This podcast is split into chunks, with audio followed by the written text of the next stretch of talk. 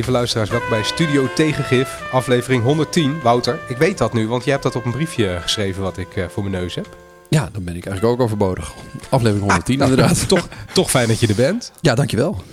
Jij, bent, uh, jij, hebt, uh, jij hebt dit onderwerp verzonnen. Ja, ja. kan onze overheid minder complex? Ja, dat, ik, zit, ik ben al jaren met die vraag aan het worstelen. En ik heb het er op, met heel veel mensen over. En toen boden jullie mij de kans om dat een keer als onderwerp van Studio Tegengif te doen. En dat lijkt me een fascinerende vraag om eens in te duiken met z'n drieën. Ja, want het gaat er nogal, uh, voordat we dan verder gaan met uh, de, de, huishoudelijke mededeling. Maar het, het, gaat er ook nogal vaak over, uh, viel mij op in de voorbereiding. De een ja, na de andere brief wordt erover geschreven richting de formatietafel en sowieso rapport op rapport. Dus we gaan het zo even oplossen. hey, en Wiemar, hoe, hoe is het met jou? Gaat prima met mij. Ik ben nog een beetje blijven hangen in jouw opmerking, of eigenlijk van Wouter zelf, dat hij overbodig was. Dus ik zit nu een beetje van, gaan wij met z'n tweeën een podcast opnemen? Ja, Verder blij dat jij er bent, Wiemar. Ja. Verder uh, gaat me eigenlijk best wel goed. Goed weekend gehad, een beetje buiten, buiten geweest, veel gewandeld. Ja, eigenlijk uh, gezond, gesport. Ja, eigenlijk wel oké. Het is zondagavond nu voor de, voor de luisteraars. Dus uh, gaat wel prima. Ik heb wel zin om het over het onderwerp te hebben. Zo'n onderwerp. Uh, het is eigenlijk best wel een complex onderwerp. Dus uh, leuk om het erover te hebben. oh. Ja. Ja, sorry. Ja, het is wel zo. Dus nou, het lijkt me ook wel een leuk onderwerp. Ik heb er wel zin in eigenlijk. Weet, weet, je wat ik hier leuk aan vind? Want dat zijn we allemaal weer vergeten natuurlijk. Maar aan het begin hebben we gezegd... we gaan het dit seizoen hebben over dingen die, die over tien jaar nog spelen. En die gaan we even oplossen. Heel, uh, nou zeg ik het allemaal heel blasé en uh, totaal uh, fout samengevat. Maar dit is er wel zo eentje. Hier gaat het altijd al over. Ik las ook wat dingen terug. Toen dacht ik, ja, die rapporten, je kan ze ook gewoon van, van tig jaar geleden uit de kast halen. en daar staat, staat, staat het eigenlijk allemaal al in. En dat, dat, dat, over tien jaar lezen we dat, lezen we dat waarschijnlijk nog. Tenzij Geert uiteindelijk gaat oplossen. Ik denk het niet. Ah, dat is wel belangrijk. Dan maken we dus een podcast uh, aflevering die aan de ene kant over inderdaad structurele zaken gaat. Hè? Dus niet alleen over de waan van de dag, maar over een structurele vraag uh, voor Nederland of voor de, voor de overheid. Maar ook een redelijk tijdloze podcast blijkbaar. Want blijkbaar kan je maar over tien jaar nog een keer luisteren. En dan uh, is hij nog steeds waardevol, deze podcast. Dus dat is wel goed nieuws eigenlijk. Zeker. Misschien wordt hij wel steeds beter als een goede wijn. Ik sluit het niet uit. Ja, studiemateriaal voor over tien jaar. Dat lijkt me prachtig. Hey, zal ik Goed. direct even wat huishoudelijke mededelingen doen, Randy? Ja, voordat mensen denken dat we ehm, serieus... Uh, want we moeten in ieder geval eventjes uh, Wim Brons van remotepodcast.nl bedanken... voor de het sublieme geluidskwaliteit die u nu door uw oren krijgt. Uh, en we moeten even noemen dat je ook vriend van Randy, Wiemar en mijzelf kan worden via vriendvandeshow.nl slash studiotegif. Dan kunnen we deze podcast blijven maken. Het is een hele bijzondere vorm van vriendschap. Waarbij je ons geld geeft ja, is ook, en het is, het is niet optioneel. Hè? We worden altijd vriend als je geld geeft. het, is, uh, het, is, meer een soort prostitutie. Uh. het is 100% succesgarantie.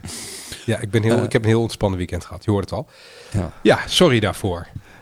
Ja, Gek, we gaan met jou eigenlijk. Want jij begint altijd en dan, dan gaan we gaat dan ons vragen met ons gaat. We gaan met jou, Randy. Ja, het gaat goed. Ik, het is een reces geweest bij de Eerste Kamer. Dus ik heb, uh, dat betekent helaas voor mij niet dat ik een week vrij heb, maar dat ik dan één dag uh, vrij heb in die week. En uh, voor de rest werk je dan gewoon immers als Eerste Kamerlid. Maar dat geeft toch wel veel lucht en ruimte, zo lekker. Ga je dan kan je een beetje in? vooruit lezen, vooruit nadenken. Hm. Nadenken. Beetje met mensen praten. Ja, dat zijn allemaal dingen die je normaal gesproken niet doet in de week. Een beetje nadenken en met mensen praten. Zo klinkt het zoals je het nu vertelt. Maar... Nee, ik ren als een, als, een, als een overspannen hamstertje in mijn wieltje rond. En dan is de week weer voorbij. Wat doe jij dan? Uh, ja. ja, je bent gewoon de hele week bezig waan van de dag. Dit is nu belangrijk. Nu, nu, nu, nu, nu. En dan, Zeker, ja. ja. Nu kan je ineens, in deze week kan je één dag nadenken met mensen praten. Dat is toch wel ik, fijn. Ik, uh, ik heb één, één dag gereflecteerd. Ja, heel goed. hey, ja. Gekte. De gekte. Jij ja, kwam heb... aanzetten met een hele mooie gekte. Nou ja, weet je, iedereen heeft dat ook wel gelezen, maar ik, ja, ik kan hem gewoon niet, uh, ik kan hem gewoon niet, niet kiezen, uh, als dat uh, nog te volgen is. Ja, de nareis op nareis leugen. Ehm, ik eh, las dat, nou ja, even, toch even voor wie dat niet gevolgd heeft. Het, hier is het kabinet opgevallen, hè? Dus er zouden, er zouden, er zouden talloze hordes vluchtelingen het land binnen gutsen via nareis op nareis. Ja. Uh, dus moest het kabinet vallen. Uh, terwijl er een grote oorlog uh, woedt in Europa en er nog eigenlijk nog geen probleem opgelost was, moest het kabinet per se vallen. Want dit probleem moesten we oplossen. Want het was zo, zo'n zo'n grote, grote migratiecrisis. Ik zeg niet dat, dat er niks te willen is op migratie of wat dan ook. Maar hier ging het dan om. Nareis op nareis. Nou, de IND heeft cijfers naar... Ja, ik moet erom lachen, maar het is echt uh, van een triestheid uh, zonder weerga eigenlijk. De IND, de Immigratie- en Naturalisatiedienst, heeft cijfers naar buiten gebracht. Om hoeveel mensen gaat het nou? 10 mensen in 2023. Het is gewoon totale kolder, blijkt het te zijn. Een, een verzinsel. Um, ja, noem het een leugen. Kijk, je, de Vluchtelingenwerk Nederland heeft, heeft een soort samenvatting ervan geschreven. Die zeggen nog dat het een mythe is. Ja, we moeten ook niet zo vriendelijk zijn tegen elkaar, vind ik. Dat we, dat we keihard liegen, een mythe, een mythe leven inblazen, staat er dan, uh, gaan noemen. Dit is gewoon uh, totale onzin. En dat, dat, dat dan een Kamerlid nog zoiets roept, dat is bijvoorbeeld nog tot daar aan toe. Maar je hebt het hier gewoon over de minister van Justitie.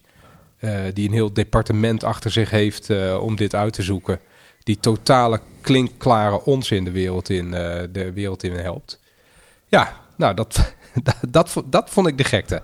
En het, is, het erge is, uh, de, de waarheid achterhaalt het uiteindelijk niet meer. Hè? Dus wij lezen dat nu in het, in het NRC en alle, keur, alle keurige mensen die zichzelf geïnformeerd houden, die weten het dan. Maar in de, in de beeldvorming is het enige wat blijft hangen dat, uh, dat het allemaal een onbeheersbare bende is. Dus ja, ik ben er ook een beetje, beetje pissig over eigenlijk, als je het zo merk ik. Is dan de, de gekte niet dat het niet uh, dat het gesprek hier eigenlijk amper over is gegaan. Dus ja, is de gekte, totaal gekte niet, niet, dat je, dat je dus... Wat, ik, wat mij heel erg opviel is dat dus, uh, uiteindelijk heeft dus ook een, nog een, een artikel geschreven... waarin ze dit bevestigt. Dus waar, waarin ze letterlijk schrijft dat het over duizenden mensen oh, is gaat. is dat zo? Ja. ja. Wanneer ja. is dat geschreven dan, uh, Wouter? dat heeft ze geschreven. Volkskrantbron, ik zit er nu naar te kijken. Oh, ik even mijn paywall wegklikken. Uh, eh, 18 november 2023, vlak voor de verkiezingen. Ah, Interview met, uh, heel toevallig, drie dagen voor de... daar staat de letterlijke quote in dat het gaat, het gaat hier over duizenden mensen. Um, ja. En, en, en dat is dus best schokkend voor iemand die ook ehm, even binnen haar eigen organisatie, de IND, had kunnen vragen... jongens, zoek eens uit om over hoeveel mensen dit hier gaat. Ja, dat, ja, want dat is dus interessant, hè? Van, van, want je, ik bedoel, probeer even, want je vindt het best wel schokkend, maar vinden we het dan schokkend?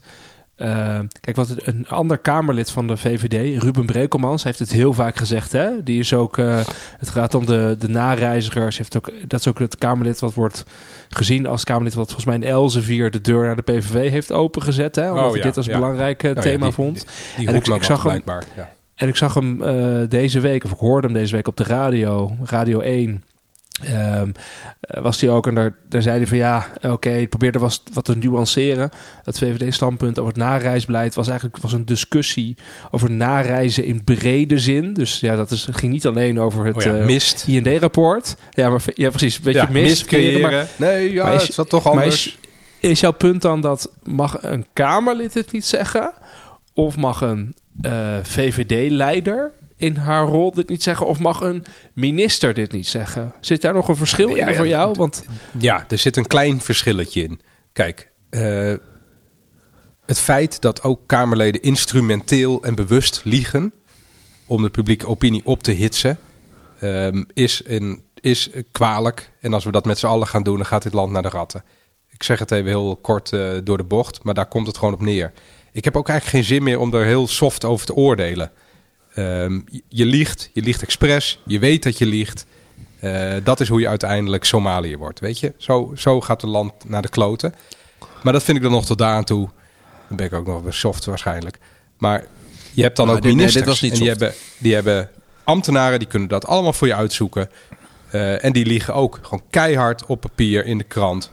Uh, met de bedoeling om verkiezingen te winnen. Uh, door wederom het volk op te hitsen tegen vluchtelingen. Ik ben allemaal helemaal niet tegen dat je iets doet met, met migratie, dat je daarover nadenkt. Maar als, je, als het al begint met dat je dan uh, dingen uit je duim moet zuigen, uh, dan, dan, ben je, dan ben je fout bezig. En dat, dat weet je waarschijnlijk ook. En dat draait het blijkbaar alleen maar om beeldvorming. Um, en dat is natuurlijk ook een van de redenen dat er helemaal geen reet voor elkaar komt in dit land. Want als de beeldvorming maar lekker is, dan boeit het beleid erachter helemaal geen reet meer verder ja, het zijn twee verschillende discussies in de zin van inderdaad van... Het is allebei uh, Je kan, Ja, maar je kan inderdaad van, je kan zeggen van nou, uh, volksvertegenwoordigers hebben een debat, maar die moeten in ieder geval een debat over feiten hebben. Nou, die ging het dus niet over feiten. En de regering ging over verzinsels. Maar de regering ja, lekker mee. Ja, dat is dus toch het belangrijkste. Dat je dus er eigenlijk nu dus ook weet dat een minister die dus over het beleidsterrein gaat, dat hij dus eigenlijk een verhaal vertelt wat niet uh, strookt met de feiten. En dat je dus eigenlijk ook eigenlijk kan zeggen, nou, de regering uh, levert geen feiten. Hè? Dus uh, betekent ook dat je als... Nou, een klein beetje in... Ik ga nu de, de, in haar defense zeggen dat uh, uh maakte in, er, in de aanloop naar de verkiezingen heel vaak ook een punt van dat ze sprak in haar rol als fractievoorzitter van de VVD. Of sprak in haar rol... Weet je nog, dat, dat, kunnen we ons nog wel herinneren. Ja, dat, dat ze toen af en toe weer had over die pet die ze dan op had. Maar dat, dat verzacht natuurlijk niet in principe, want iedereen ziet dat je één mens bent. maar daarom, dit is precies wat ik zei. Hè? Dit is precies wat ik bedoel. Dus zeg maar, vinden we dus wel... Er is dus wel een verschil. Dus vinden dat... dat ja. als dit als minister zou zeggen, echt als minister van Veiligheid en Justitie, met dus de IND zeg maar in haar uh, departement, uh, onder haar uh, hoede, ja. dan zouden we het natuurlijk erger vinden dan op het moment dat ze zegt van, van ik doe dit als VVD wat lijsttrekker. En uh, nou, Ruben, nou, er zit een verschil. Rechtsstatelijk, is, rechtsstatelijk is dat erger. Want dan ben je mogelijkerwijs het parlement verkeerd aan het voorlichten in jouw uh, uh, rol als minister. Dan heb je dus een ministerie van verantwoordelijkheid. Mm -hmm. En dan, dat, dat is dus rechtsstatelijk erger. Echter, moreel kun je er ook wel wat van zeggen. Dat het bij ons in Nederland schijnbaar normaal is geworden. Dat de, de fractievoorzitters van de grote partijen bewust dingen vertellen waarvan ze weten dat ze niet waar zijn. Um, en dat dat uiteindelijk gewoon voortkabbelt en niet een soort groot ding wordt. Um, ja, we stoppen af. Dus we zijn het gewoon normaal ja, gaan vinden. Schijnbaar is dat, ja, dat, dat kan.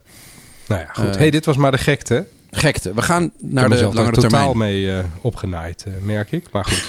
okay. Ja, aan de andere kant. Dat, dat bepleit ik dus ook. Dat we het belangrijk blijven vinden. Nou ja. ja. hey, Wouter. Gewoon kappen ja. met liegen. nu, kappen met liegen. Ja, dat zou mijn advies zijn aan mensen. Niet meer liegen. Niet doen. Je bent vader van drie natuurlijk. Hè? Dus dit, uh, zeg ik ook, zeg ik ook tegen mijn kinderen. Niet liegen. Wouter, jij uh, ja. neem ons eens mee in dit onderwerp. Waarom is de overheid zo nou, complex? We hebben een hele. Ja, de, daarom luisteren de mensen uiteindelijk naar deze podcast. De grote vraag: kan onze overheid minder complex? En waarom is onze overheid eigenlijk zo complex? Um, wat, ik, wat ik een mooie aanleiding vond, is dat op 12 januari Um, hebben de SG, eh, heeft het SGO, ik ga even voor de mensen uitleggen wat het is. Dat is het uh, overleg van secretarissen-generaal van alle ministeries. Die hebben een brief geschreven naar de, de formateur. Er was toen nog Ronald Plasterk, onderhand is dat uh, Kim Putters. Um, en die schreven een brief over um, in vijf pagina's wat, wat zij vinden dat vanuit de, de, de overheid van alle ministeries en alle publieke organisaties belangrijk is. En dat was um, één van de aanleidingen. Maar er waren de afgelopen maanden, waren dus, als er zo'n formatie begint, dan gaan allerlei partijen gaan dingen proberen te agenderen. Maar er waren, er waren meerdere partijen die het hadden over die um, complexe overheid. Dus ook het uh, ja, netwerk je bedoelt van niet politieke partijen nu toch wel? nee, nee, nee. sorry, uh, ik bedoel allerlei maatschappelijke gremia, clubjes, zag, organisaties. Uh, um, nee, sorry. Alexander Pechtold. Pechtold Alexander Pechtold heeft een heel boek over geschreven. Um, en die, die trad ook naar voren als ja, spokesperson van dat netwerk van publieke dienstverleners. Wat 80 uitvoerende organisaties zijn binnen de overheid. Um, die, die een groot opiniestuk hadden. Um, uh, en, en een rapport erachter. Uh, en, en dat gaat eigenlijk allemaal over um, toegenomen complexiteit van onze overheid. En, en waar zij luiden als het ware de noodklok over die complexiteit. Nou, wat ik dus interessant vind, is dus... Um, we hebben dus de, de, de, de, de secretarissen-generaal van al die ministeries... en heel veel van die uh, uitvoeringsorganisaties die daarachter zitten, die het beleid in Nederland uitvoeren, die allemaal aangeven: um, jongens, we hebben echt, we moeten werken aan vereenvoudiging.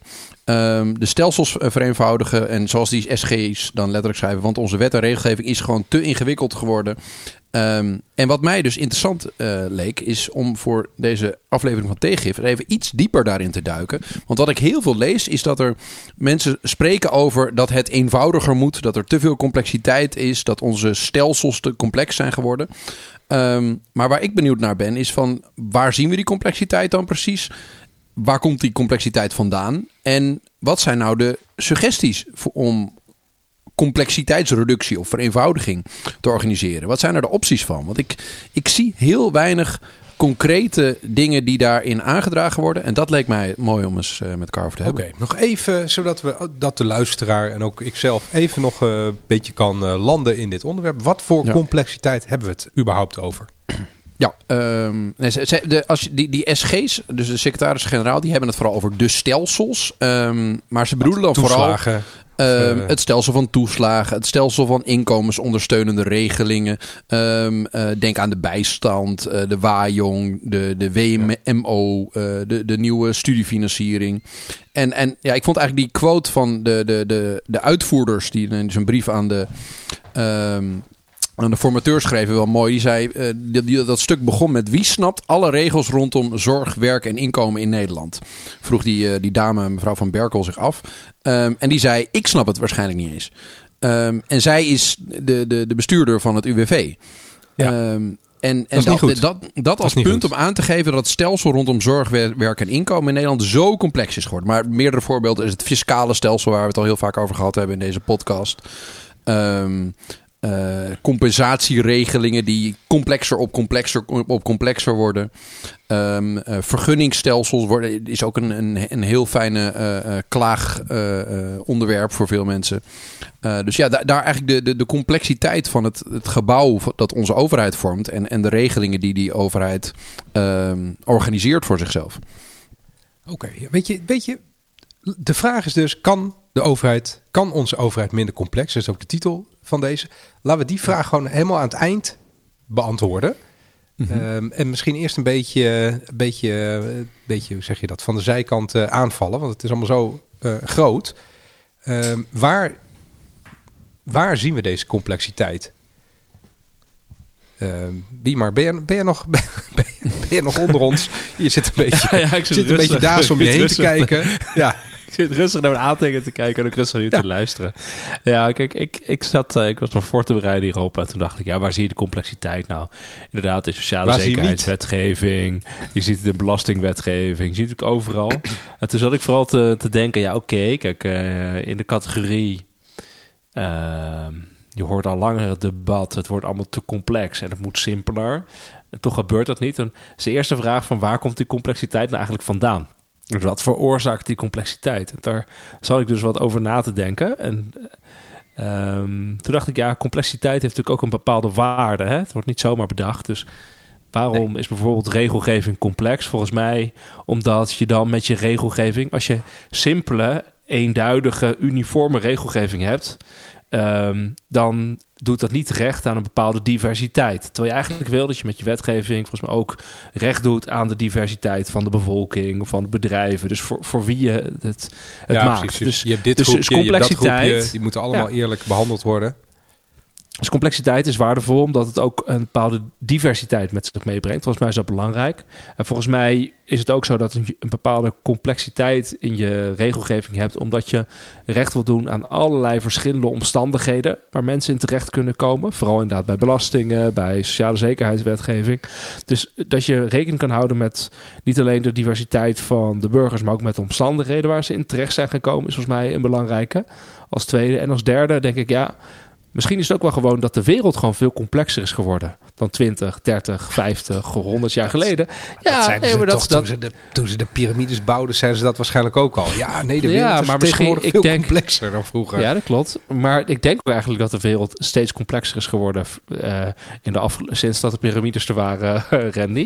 en dat, dat de wetgeving daarmee ook steeds uh, complexer is geworden. Dus ik zit dan zelf wel te zoeken van oké, okay, uh, het waarom hebben complexe regels. Dan denk ik, nou, volgens mij heeft het te maken dus met een recht doen aan een bepaalde diversiteit, recht doen aan bepaalde verschillende omstandigheden en ook gewoon recht doen aan de steeds complexere wereld of omgeving waar je als overheid in, uh, nou ja, werkt. Je, dus natuurlijk... je wilt ook een maatwerk kunnen leveren. Uiteindelijk is complexiteit is maatwerk. Dat, anders, als je hele simpele regels hebt, dan heb je geen maatwerk meer. Dan heb je gewoon een eenheidsworst. Dus dan gaan uh, burgers en bedrijven zeggen dat de overheid er niet voor hen is. Want het is te eenzijdig. Het is te, te simpel. Er wordt geen rekening gehouden met hen. Dus, dus nou, dat vind ik wel, denk ik, een goede om even op te reflecteren. En het laatste wat ik dacht is van...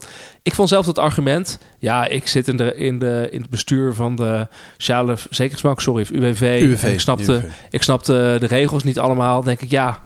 Weet je, moet dat? Moeten wij als uh, burgers, moeten we alle regels snappen of begrijpen? Of moet je als professional van een organisatie of bestuurder alle regels snappen die je uitvoert? Dat vraag ik me af of dat echt moet. En ik vraag me ook af of uh, burgers of bedrijven alle regels moeten kennen of begrijpen die, die op en van toepassing zijn. We worden in Nederland, volgens mij staat het ergens in de wet, je wordt geacht om de wet te kennen en na te leven. Hè? Dat, ja, okay, maar oké, we kennen natuurlijk niet alle wetten, we kennen niet alle regels. Dus ik vind, dat een, ik vind dat een beetje. Nee, maar ik vind dat, ik vind dat niet een heel goed argument eigenlijk. Nee, je hebt helemaal ehm, gelijk. Dat is totale kolder. Want als jij een wasmachine koopt, dan zegt, die, dan zegt het bedrijf niet van meneer, weet u wel hoe deze wasmachine werkt. Dat, ja, ik, ik weet niet of dat de beste vergelijking is. Ehm, ik denk dat het argument gebruikt wordt om het punt te maken dat de, de, het stelsel in Nederland rondom werk en inkomen gewoon godschuwelijk complex is. En dat de, de uitvoerder daarvan ook aangeeft van jongens, dit zou wel wat simpeler kunnen. Ja, maar dat is dus belangrijk. dus je kan, bijvoorbeeld, je kan bijvoorbeeld zeggen: oké, waarom is het wel erg? het is erg omdat de uitvoering het niet meer kan uitvoeren. Oké, maar dan is het dus gewoon: het is niet meer effectief, want je kan het niet meer uitvoeren. Of het is niet meer efficiënt, want het is gewoon, het wordt te duur om het uit te voeren, bijvoorbeeld. Of je zou kunnen zeggen, in belastingwetgeving of sociale zekerheidswetgeving, kan je zeggen, ja, we willen daarmee bepaald gedrag voor elkaar krijgen van burgers of bedrijven. Maar ja, als die de wetten niet snappen, dan uh, voldoen die prikkels voldoen ook niet meer. Hè? Op het moment dat je nee, bijvoorbeeld bepaalde belastingkortingen hebt of iets dergelijks. En je hebt uh, geen idee dat je die krijgt. Ja, je hebt geen idee dat je die krijgt. Ja, dan heeft het ook uh, instrumenteel is het gewoon niet, uh, niet effectief. Dus ik kan me dat, kan me dat wel goed voorstellen. Um, en als laatste denk ik, ja, complexiteit wordt wel vaak ook op een hoop gegooid met ik kan geen contact meer krijgen met de overheid. Of kan niet meer corresponderen met de overheid. Of ik kan geen interactie met de overheid krijgen. En dat wordt ook vaak als, als uh, een gevolg gezien van steeds complexere regelgeving. Vraag me af of dat nou ja, of we dat hier nou ook bedoelen, trouwens, in deze discussie. Maar vaak wordt het ook gezegd. Hè? Ik kan niet meer met, uh, met de overheid goed uh, ja, in gesprek over, over, over de regels en hoe die op mij van toepassing zijn. Uh, nou ja, zijn. Een, dus een van ook de... de afstand. De afstand tussen burger en overheid wordt groter. Ja, maar dat, dat, ja, dat is wel zo. Aan de ene kant denk ik, ik weet niet of je vroeger nou uh, wel heel goed contact met de overheid kreeg. En aan de andere kant had je in ieder geval op gemeentelijk niveau was je gemeente bijvoorbeeld veel, veel kleiner en dichterbij. Waardoor je gewoon naar het loket uh, kon. En dan uh, is mijn beeld in ieder geval dat je, dat je misschien sneller iemand te pakken kreeg die je even op weg hielp. Dan, dan dat dat nu het geval is met gemeentes van.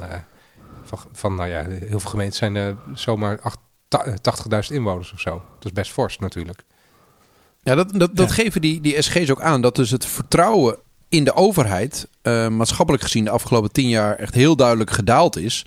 En zij stellen dus dat het vereenvoudigen van de, de stelsels en al, alle regels die wij in Nederland hebben, Um, dat dat zou, zal helpen. Dat zeggen ze letterlijk. Dit zal helpen om het vertrouwen van mensen in de overheid te herwinnen. Dus zij, zij durven zich te zeggen van jongens, die vereenvoudiging van alle regels die we in Nederland hebben, dat zal eraan bijdragen dat mensen de overheid meer, meer vertrouwen. En dan kun je zeggen van of het nou een. Ik denk dat het ook een onderdeel uh, is van dat, van dat uh, lagere vertrouwen van mensen. Is dat de overheid, daar hebben we ook een hele aflevering over gemaakt, vaak uit de regio uh, meer verdwenen is of minder zichtbaar is. Doordat er geen postkantoor, bank, whatever ja, is. Um, ja, maar is dat dus een gevolg, dat is dus precies de discussie, is dat een gevolg van een complexere overheid? Dat er geen uh, postkantoor meer is in jouw dorpje? Of dat er, volgens mij heeft dat, allemaal niet zoveel uh, mee te maken nee, hoor. Dat heeft volgens mij niet zoveel mee te maken. Dat is inderdaad een meer van oké, we willen een goedkopere overheid, uh, willen meer met de digitalisering doen, minder ambtenaren, het moet efficiënter. Dus het zit meer in dat, in dat, in dat bedrijfsmatige denken of het efficiëntere overheidsdenken dan in de complexiteit. Ik kan me wel voorstellen dat ik had, uh, ik had laatst ja, een goed gesprek met iemand die uh, in de sociale zekerheid uh, terecht is gekomen. En dan meerdere keren met een gemeente belt. En dat dan steeds krijgen ze van de gemeente, en dus de medewerker die hard te woord moet staan, krijgen ze andere verhalen.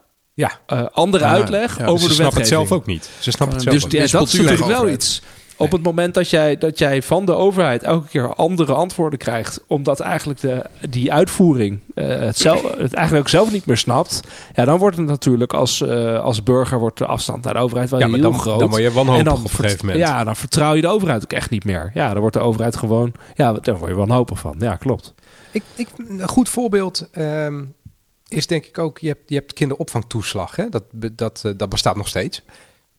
En iedere keer als het, tarief, als het tarief verandert, dan moet je dat ieder jaar zelf doorgeven in een of ander portal. Ik weet niet of jullie dat herkennen of dat... Uh... Ja, dat moet ik zelf doen. En ik, zeg, ik grap altijd tegen mijn vrouw als er weer zo'n brief van, van die kinderopvangtoeslag ligt. Van oké, nu zijn we de Sjaak.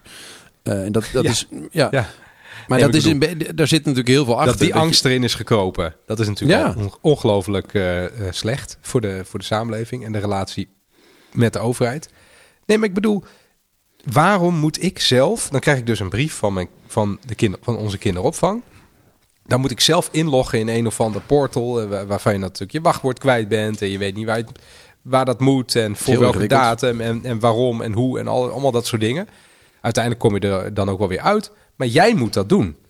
Dus zo, maar dat, dat noem ik, want zo zijn heel veel dingen tegenwoordig georganiseerd. Uh, die workload die, de, die erbij komt kijken om die complexiteit draaiende te houden, die is bij de burger neergelegd. Dus die moet dat ja. doen. Dus dat het achter de voordeur allemaal reet complex is, uh, dat is allemaal wel. Uh, zolang ik er maar niet mee te maken heb, dan is het allemaal prima, denk ik. Dus volgens mij is, is het ook dat, hè, dat, dat het afgewenteld, afgewenteld wordt. Ik denk als we even uh, diep nadenken. Dat, dat we daar nog wel veel meer voorbeelden van ja, kunnen dit, noemen. Ja, dit is gewoon self-service in den brede. Dus waar, maar maar, ik, ik, maar, maar, maar volgens mij zit de, daarachter is dit een soort van de afgelopen twintig jaar een, een uh, is complexiteit grotendeels veroorzaakt door techno-optimisme. Dat, was, dat stond bij mij op één van de, van de redenen uh, die, die dit eigenlijk heeft bewerkstelligd. Dat we, dat, dat we een, een systeem hebben waarbij de politiek in principe het primaat heeft, dus de, de bewindspersonen. Um, en die hebben één um, soort van uh, uh, magisch geweer waar ze altijd mee kunnen schieten. want ze worden namelijk voorbijgesneld door een soort ICT die allerlei beloftes doet om dingen maar weer te gaan organiseren. En ze kunnen altijd wijzen van kijk nou eens wat, wat AI nou weer gedaan heeft of een aantal jaren terug van wat, wat Google of Microsoft ons weten te leveren.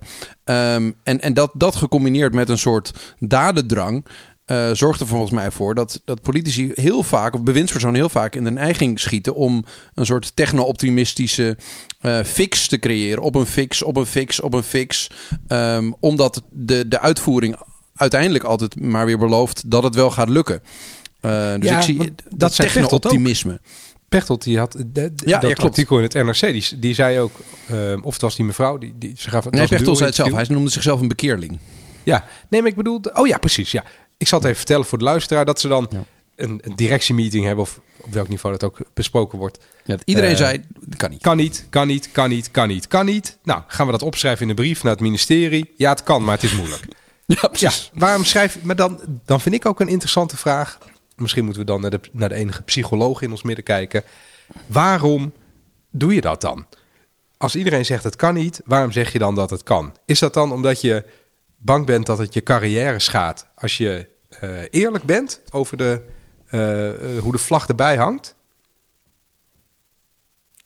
Ja, dat is een interessante vraag. Ik, ja, moet ik jij, moet, jij, moet die nu even, jij moet die nu even beantwoorden. Nou ja, een van de dingen waar ik dus, waar ik dus over na zat te denken is van... Kijk, we hebben in Nederland natuurlijk ook vaak de uitvoering op afstand gezet. Hè? Dus een hele duidelijke scheiding tussen het maken van beleid... en volgens de uitvoeren, het uitvoeren van beleid.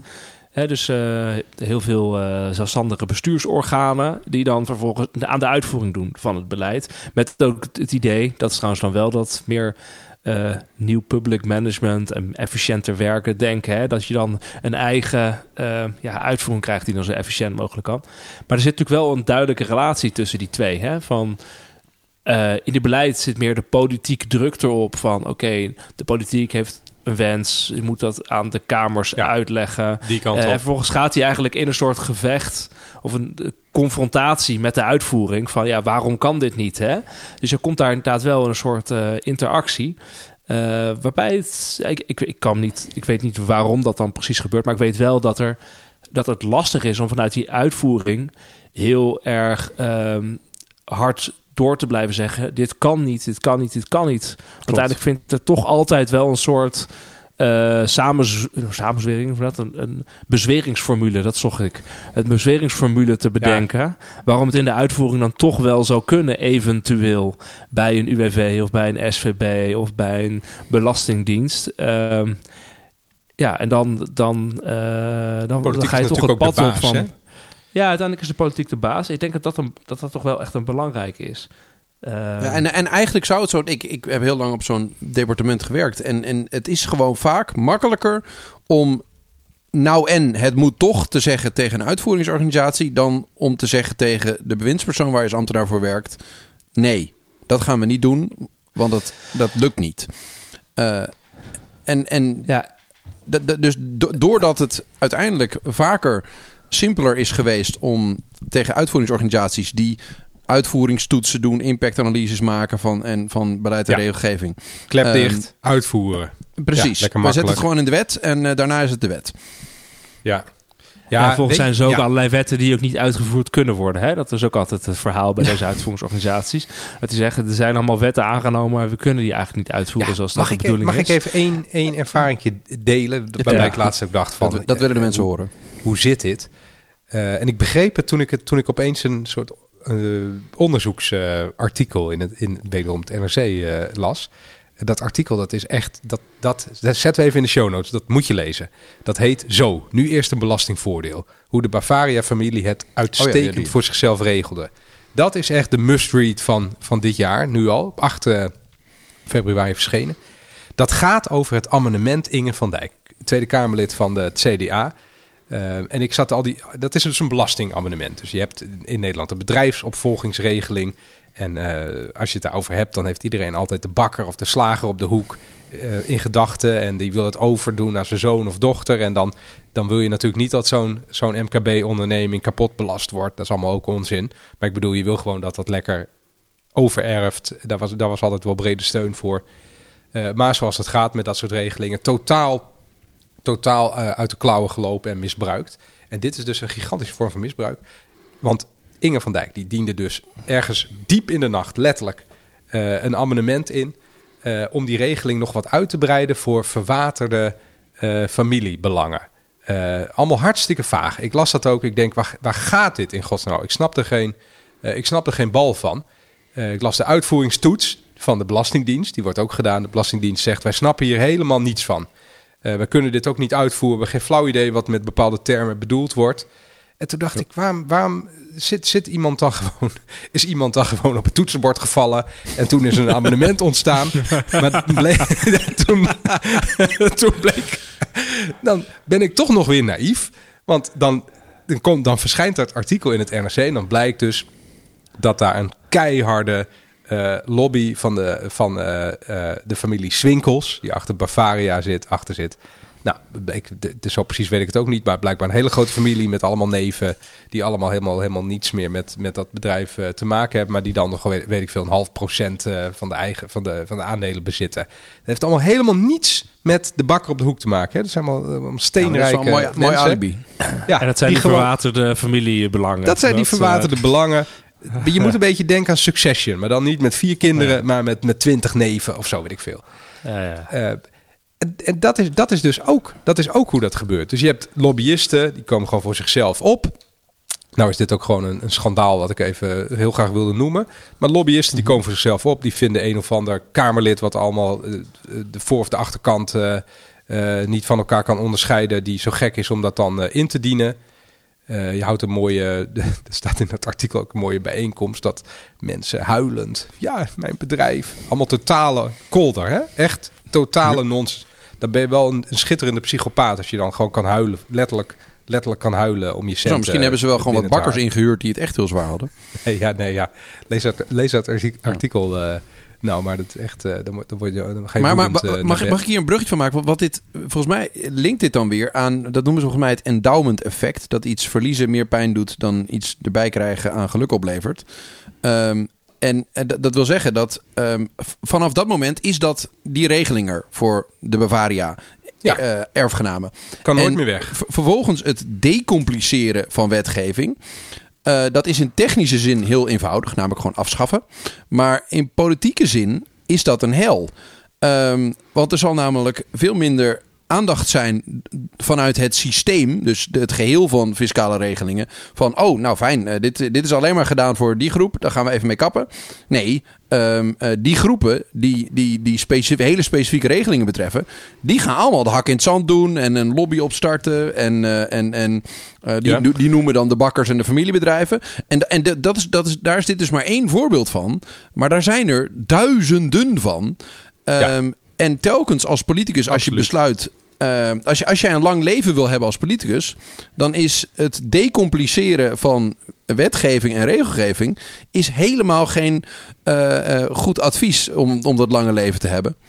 Nee, het is belangrijk ja. wat Wouter nu zegt. Want uh, het is trouwens niet het endowment effect, maar inderdaad verliesaversie. Of uh, dat je inderdaad dat verliezen, dat dat inderdaad meer pijn doet. Maar de, dat is inderdaad waar. Dat, dat het zo complex is, heeft ermee te maken dat natuurlijk allerlei belangengroepen zijn.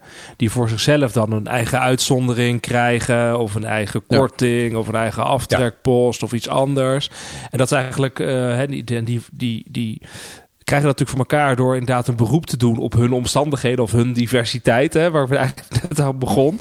En op het moment dat het er eenmaal is, ja, dan, dan uh, gaan de lobbybelangen gaan heel hard oplopen als iemand waagt om die vrijstelling of die uitzondering dan weer af te gaan schaffen. En dat is denk ik ook wel een, eh, dat is wel een belangrijke van een van de belangrijkste redenen waarom het zo complex is geworden, de uitvoering, is volgens mij inderdaad dat er, uh, dat er dat de, de politiek die erover besluit, heeft natuurlijk een achterban. En het is een, een uitzondering maken voor je achterban, of eigenlijk een complexiteit maken voor je achterban. Dat wordt natuurlijk in die zin eigenlijk best wel goed beloond. Um, en daarnaast mm -hmm. hebben we natuurlijk in Nederland ook nog een heel, uh, ik noem het even, een, een polderoverleg met natuurlijk allerlei belangen. En, en zo'n polderoverleg komt natuurlijk ook vaak weer uitzonderingen of overgangsrecht of uitzonderingssituaties Compensatieregelingen. Uit, compensatieregelingen voor wetgeving. Dus ik denk zowel die, dat, dat politieke en een achterban willen voeden als, uh, noem het even, noem het, het poldermodel met bepaalde belangen, lobby. En ik denk ook gewoon een soort individualisering van de samenleving. Dat is natuurlijk ook wel een belangrijke reden waarom het steeds complexer wordt. Want ja, dan, dan wil je wat, dat wat bedoel je daarmee? wordt. Nou, dat uh, volgens mij uh, is het nu zo dat zeg maar de gewoon de de burger, de burgers, voor zover de burger mhm. bestaat, maar burgers willen dat er meer rekening gehouden wordt met hun persoonlijke situatie, met hun individuele uh, situatie, ook in de wetgeving. Dat is niet als een soort eenheidsworst allemaal hetzelfde worden behandeld, maar dat er rekening wordt gehouden met hun eigen uh, individuele omstandigheden of situatie. Er moet maatwerk zijn. En dat is volgens mij ook gewoon, je ziet dat individualisering als trend is volgens mij sterker geworden. Dat is gewoon een trend die je nu ziet. Dat is ook, ja, dat gevolg daarvan is dat wetgeving dan complexer wordt. Als je, daar, als je dat toelaat. En, en, misschien heel praktisch, hè? Heeft ook te maken met uh, hoeveel partijen er in het parlement zitten. Ja, ik, Want die dat wilde ik net naartoe. Die nou ja, allemaal dat, hun eigen dat ook zeggen. Ja, dat, in 1956 zaten er volgens mij uh, zes partijen in het parlement. Nou, laten we zeggen ja. dat die allemaal ja. een amendement indienen. Had je drie partijen die maakten de dienst uit. En nu zitten er, weet ik veel, 18 partijen in het parlement. Uh, en het is allemaal wat losser of zo. Dus van alles en nog wat wordt, ja. uh, wordt aangenomen, heb je soms wel het gevoel. Ja, dus zo'n zo wet komt totaal gemolesteerd uh, de Tweede Kamer uit. Ja, want ik denk dat die ministers zijn ook allemaal niet helemaal gek, hè. Dus die proberen het ook wel simpel uh, te houden en werkbaar. Maar ja, dan moet het nog door de... Dan gaat het de malle molen in. En hoe het er dan ja. uitkomt. Ja, en dan kan niemand het meer repareren. Dus ook de, de Eerste Kamer. Ja, dus als ik kijk, even naar mezelf wat, kijk, wat, kan het dan niet meer repareren. Nee, wat dan belangrijk is, is inderdaad van... Ik heb het ook gezien in mijn, uh, in mijn proefschriftonderzoek. Uh, dus het vergelijken van wat partijen beloven in hun verkiezingsprogramma... doorgerekend tot het Centraal Planbureau... en dan volgens het regeerakkoord. Je ziet dat partijen over het algemeen best wel generieke lastenverlichtingen beloven voor burgers in een verkiezingsprogramma. Maar in regeerakkoorden wordt er toch veel meer maatwerk, specifiek, zeg maar. Ja. Hè? Dus ja. specifiek, omdat generieke lastenverlichtingen zijn natuurlijk heel duur om dat te financieren. Het kost gewoon veel geld. Maar als je uh, specifieke lastenverlichting of een specifiek extra uitgavenpostje regelt voor jouw achterban, ja, dan levert dat misschien electoraal eigenlijk nog best wel meer op dan als je een generieke uh, uitzondering doet. En dat zie je hier natuurlijk ook terug van inderdaad een versplinterd politiek landschap. Ja, dan gaat iedereen voor zijn eigen achterban uh, proberen wat te regelen in een, uh, in een behandeling van een wet. Ja, en dat, dat lukt ook nog, hè? Want dan zeggen ze natuurlijk tegen elkaar van uh, stem jij voor die, dan stem ik voor die. Dus dit is ook gewoon een systeem waar je in opereert. Hè? Dus ik probeer zeker niet te zeggen dat iedereen dan maar helemaal uh, op zijn achterhoofd is gevallen. Maar dat, dat is wel een bron van die complexiteit. ik zat daar dus de hele tijd over te twijfelen of dit nou een soort van systeemfalen is. Of een soort uh, aspect van systeemfalen. Of dat het meer ligt aan het, het specifieke Nederlandse situatie. En uh, ja, ik, ik, ik, kwam, ik kwam eerlijk gezegd niet helemaal uit. Nou ja, oké. maar daar heb ik wel uh, iets over te zeggen. Want mm Nederland heb je dus al die partijen. Nou oké, daar hebben we het net over gehad. In het Verenigd Koninkrijk heb je in feite, nou ga ik het heel erg versimpelen, heb je eigenlijk twee partijen. Hè, Labour, uh, Conservatives. Mm Conservatives lijkt me heerlijk, dacht ik altijd. Echt lekker. ben je gewoon even tien jaar aan de macht of zo. als één partij. maar daar pakt het, daar gaat het ook niet zo goed, zoals je misschien wel eens hebt gelezen. Maar daar zitten bijvoorbeeld ministers zitten ook gemiddeld korter dan twee jaar. Dus iets, iets van anderhalf jaar of zo. Dus ik kon, kon, het niet helemaal vinden, maar het was in ieder geval korter dan twee jaar. Waardoor zij ook daar klagen over wisselend beleid. En denk, hoe kan dat nou? Dus je hebt, je, je hebt alle touwtjes in feite in handen als één partij. Maar achter, achter die voordeur heb je alsnog hetzelfde. Uh, dus dus het, het, het, het gaat blijkbaar ligt het aan meer dingen alleen dan dat wij zoveel partijen hebben, Wouter, denk ik dan. Ik kom wel zo slecht uit mijn, uit mijn argument, maar ik hoop dat, dat het een beetje duidelijk is. Nee, maar je ziet, je ziet er zit ook zo'n. De, die, dat, uh, uh, ik had zo'n rapport gelezen over uh, voorbeelden van internationale. Ehm, ja, hoe, hoe, het mogelijk beter kan. de WRR heeft daar een keer een stuk over geschreven. Een aantal voorbeelden van en, en wat het lastig is, dat eigenlijk heel veel West-Europese welvarende landen lijken met dit vraagstuk te kampen. Um, de, de, dat, dat vereenvoudiging van stelsels, regelingen en, en systemen een, eh, een, een langzaam aan een, een, thema aan het worden is in het, uh, in het politieke debat. En dan voornamelijk vanuit uh, de ambtenarij en het maatschappelijk middenveld, dus de, een beetje de maatschappelijke organisaties die, die veel met beleid bezig zijn, dat die allemaal aan de bel beginnen te trekken. Dat is in, in, in Scandinavische landen net zo het geval. Dit is niet te doen. Ja, ja dat, nou, wat, en, wat drijft dat dan? Wat, wat? Ja, een, een, een sombere die we eigenlijk nog niet genoemd hebben. Want we hebben heel veel genoemd. Van, we hebben het over nieuw public management gehad. En over goede bedoelingen van politici die uitgeruild worden. Over techno-optimisme. Over korte termijn dadendrang. Over versplintering. Um, maar wat, wat, ik, wat, wat mij nog steeds ook puzzelt is die welvarendheid. Dat, dat doordat welvaart op zich tot een, een relatief grote hoogte is gestegen in Nederland. Um, je, je het, het, het kunt uh, uh, veroorloven om uh, de, de, de, aan de randen van de samenleving telkens maar weer een klein dingetje recht proberen te tweaken. Waardoor je vaak meer fout doet dan dat je goed toevoegt aan de maatschappij. Um, dus dat je het vaker. Wat heeft dat met welvaart te, te maken dan? Nou, dat, dat als het heel ellendig is, of wanneer er relatief minder individuele welvaart is, dat, het, je, dat je het minder kunt veroorloven. Uh, om dat te doen. Maar het is lastig om daar een causaal verband tussen vast te stellen. Dat, het, is, het is meer een soort. Is dit, is dit een beetje een variant op er zijn te veel hoger opgeleiden? Want die hoor je, dat, dat hoor je ook vaak, hè? Dus nee, dit is gewoon een variant op we zijn te rijk, dus kunnen we het allemaal heel ingewikkeld maken. We kunnen het ons veroorloven om het allemaal heel, heel, heel ingewikkeld uh, te maken met extreme uitvoeringskosten. Ja, we, een voorbeelden zijn van allerlei compensatieregelingen die je in Nederland kunt hebben. Uh, ik moet aan aardbevingen uh, ja, dat zijn op zich dan. vrij simpele compensatieregelingen. Maar compensatieregelingen. regelingen. Nou, nee, oh, dat, dat moet niet. Maar simpele in principe, die begrijpt iedereen. Maar je hebt in Nederland ook heel veel compensatieregelingen. voor wanneer bijvoorbeeld het bestemmingsplan in jouw buurt uh, wijzigt. Uh, op lokaal niveau. Je hebt, oh, je hebt, voor heel veel dingen heb je uh, compensatieregelingen. En, en dat zou je aan veel mensen die niet uit een welvarend West-Europees land komen. niet kunnen uitleggen. Um, dat als, weet ik veel, de, de, de bestemmingsplan van een aantal meter verop bij jouw huis uh, wijzigt, dat je dan mogelijkerwijs in aanmerking voor, het voor, voor een compensatieregeling. Um, hey, voor, okay, kunnen we, China moet je gewoon ook, zeg maar, snap ik. We kunnen er ook positiever over praten. een van de redenen waarom het beleid steeds complexer wordt, is omdat de overheid ook steeds meer complexiteit aan kan. Hè? Dus even als positief de overheid kan in de uitvoering ook gewoon meer complexiteit aan dan voorheen. En we kunnen ook meer met techniek en meer met uh, technologie. Dat is toch wel even goed om dat even te benoemen. Voordat we allemaal denken dat het ellendig is. Um, um, en wat volgens mij ook nog één is die we, denk ik, of twee redenen, of uh, die volgens mij vergeten zijn, is één.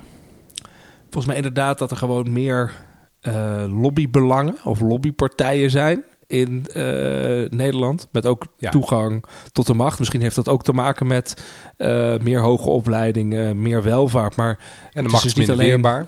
Dus de macht is minder weerbaar. dat, denk dat, dat, dat klopt. Dus op het moment dat in de politiek en de ambtenarij, dat is volgens mij geen geheim, steeds meer discussie is of de, de echte kennis van zaken of de, de, de, de, de, inhoudelijke expertise of competentie, dat die minder wordt, dat meer over proces gaat. Dan krijgt natuurlijk de lobbymacht meer inhoudelijk te zeggen. En dat betekent ook dat er, ja, dat er steeds meer wetgeving komt met allerlei uh, complexiteiten en uitzonderingen. Dus ik denk dat dat een belangrijke is. Ja, En ik denk dat eentje die we nog vergeten zijn, is dat denk ook onder druk van bezuinigingen de afgelopen, nou ja, in ieder geval na de financieel-economische crisis, is er volgens mij ook uh, behoorlijk wat beleid aangepast.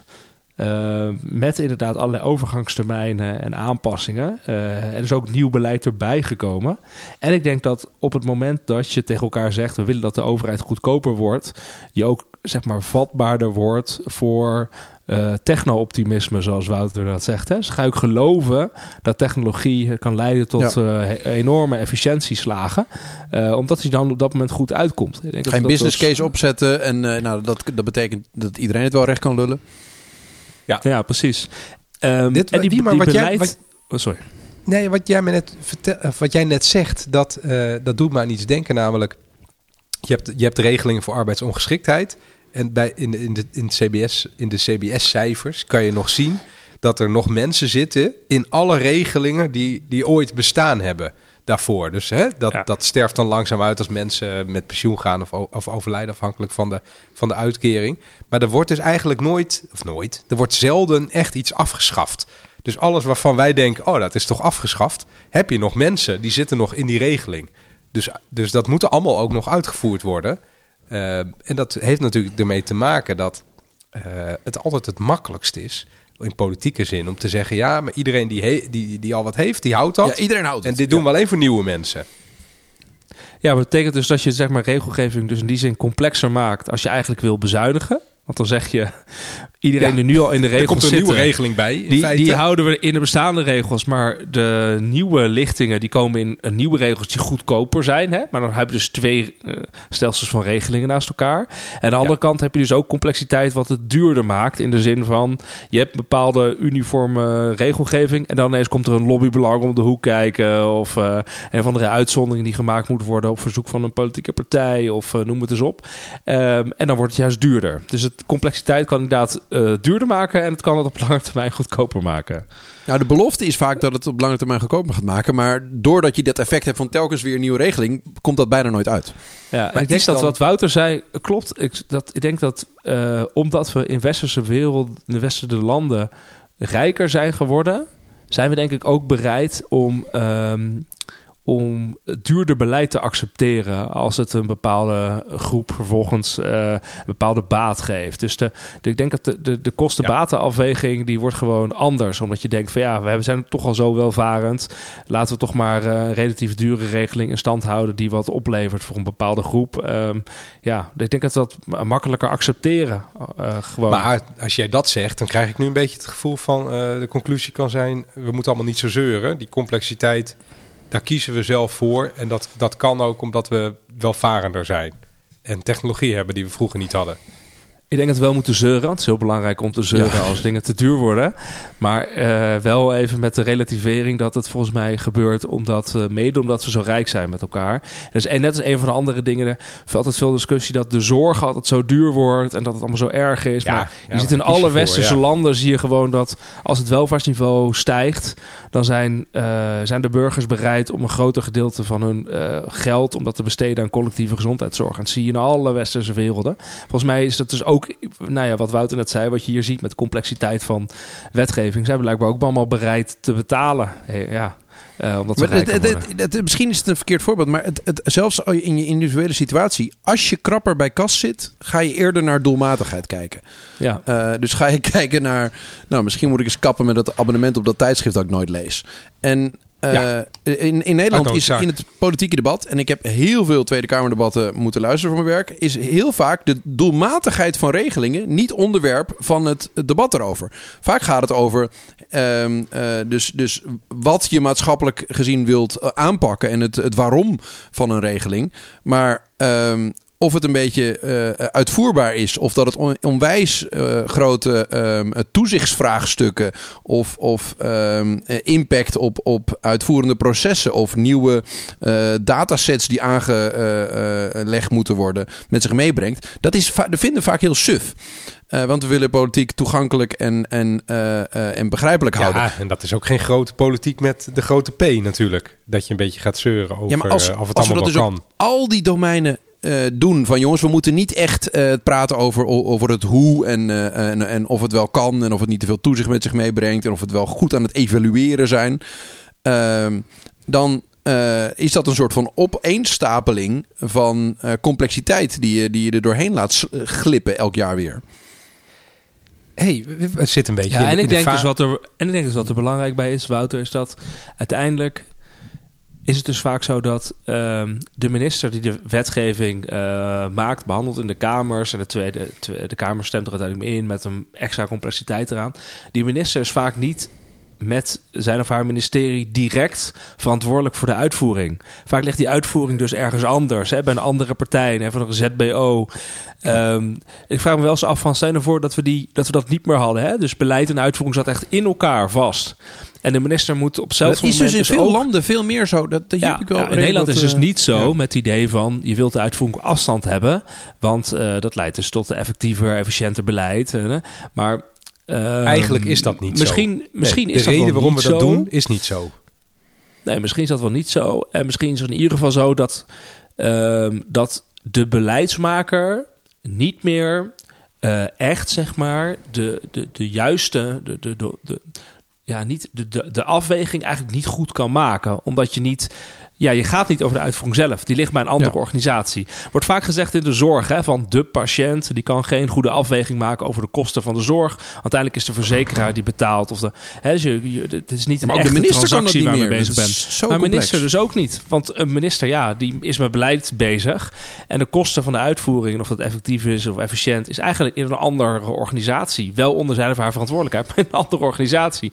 Dus die prikkels zitten eigenlijk, ligt dat verkeerd. Maar dan heb je dus eigenlijk je hebt meerdere uh, soort van getraptheid, waarbij uh, er een soort laag van onwetendheid is. Dus eerst heb je een kamerdebat, dan heb je bewindspersonen die iets bedenken, dan heb je zo'n heel ministerie waar de beleidsmedewerkers allemaal zitten, en dan kom je bij de uitvoering dan wordt het over de schutting gegooid. En, en, dus helemaal, en die Tweede eh, Kamer heeft een bepaald niveau, die bewindspersoon heeft een bepaald niveau, en die beleidsmensen hebben een bepaald niveau, maar die weten allemaal lager op die trap. Um, kennen ze de complexiteit van de ander niet. Uh, en, en daardoor is het altijd maar makkelijker om, om een, beetje te beweren van ja, ja, als ik het kan verzinnen, dan kan het. Oké, okay, stel je voor hè. Uh, wat gebeurt er als je dus iets heel slechts bedenkt? Dus jij bent, uh, jij bent minister, of nou ja, nee, daar ontstaat het niet. Hè? Het ontstaat eigenlijk in ambtenarij beleid. Daar wordt het voor het eerst bedacht in de Laten we reëel zijn, daar wordt het voor het eerst bedacht mensen zitten maar zo kort op plekken. Er is niet echt. Het, het, is in Nederland niet echt zo dat als je iets hebt bedacht wat totaal mislukt is, uh, dat dat slecht voor je carrière is. Uh, totaal niet, volgens mij. nou, nou ik heb zelf, ik heb, ik had, ik, dat is, dit is een lollige anekdote. Ik heb zelfs een collega uh, gehad, die is, die is nu met pensioen, ik zal zijn naam niet noemen, maar die, die had een theorie dat het eigenlijk altijd heel goed was om op falende overheidsprojecten te zitten, omdat je dan kon grossieren in loyaliteit. Uh, dus dan kon je uh, op een project waarvan je zelf wist dit gaat volledig mislopen, kon je laten zien hoe godschuwelijk loyaal jij was als ambtenaar. Uh, dat was, het is een beetje een cynische ja, theorie, okay, maar die, ja. die bezigde bij deze collega van mij altijd. Ik zag toevallig een cv, ik heb een kennismaking met een minister als, ka als Kamerlid. ik zal niet zeggen wie, want nou, nou, wordt, nou, wordt, nou wordt deze persoon een negatieve voorbeeld. Maar dat is niet eens zo negatief, maar wat ik wou zeggen, dus het viel mij op. Uh, dat is iemand die heeft ook een carrière gehad in de ambtenarij. Uh, en toen dacht ik, hé, hey, eens even kijken hoe lang uh, deze persoon dan op die plek heeft gezeten. want toen was ik net met die voorbereiding van dit bezig. Maar dat is dus vier jaar, drie jaar, twee jaar, vier jaar, nul jaar, twee jaar en één jaar. Nu kun je uitzoeken wie het is als je heel fanatiek bent. Doet ook het verder helemaal niet toe. En het is ook een uitstekend iemand, volgens mij.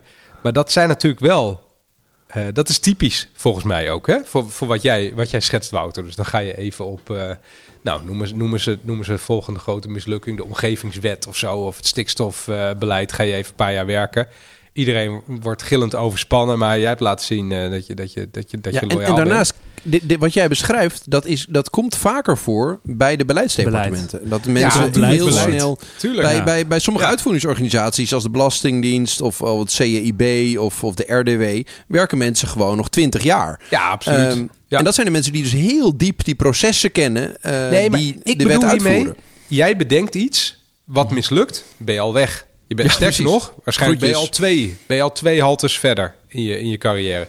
Dus er staat ook helemaal geen sanctie op het bedenken van dingen die niet werken. Dus als je je afvraagt waarom blijven we steeds dingen bedenken die niet werken, ja, omdat dat gewoon werkt voor de mensen die dat, uh, uh, die dat doet. En dat is niet omdat het slechte mensen zijn. Dat is hoe we het doen in Nederland. En dat is dus ook de reden waarom we steeds die resultaten blijven krijgen. Ja, dat is interessant. In, in, de, in de beleidsdepartementen hebben we natuurlijk... Uh, noem dat, dan heb je zeg maar een feestje op het moment dat een nieuwe wet door de Tweede en uiteindelijk door de Eerste Kamer is. Dat is het moment van yes, taart, de wet Dan begint het mislukken pas. En dan, dan begint het natuurlijk qua, qua uitvoering. En ja, dan gaat de uitvoering aan de gang. En nou ja, die gaat het dan uitvoeren. Dan duurt het sowieso, nou ja, twee, drie jaar of zo... voordat pas echt een beeld begint te komen ja, kan dit uitgevoerd worden? Dan gaan er klachten komen, wel of niet.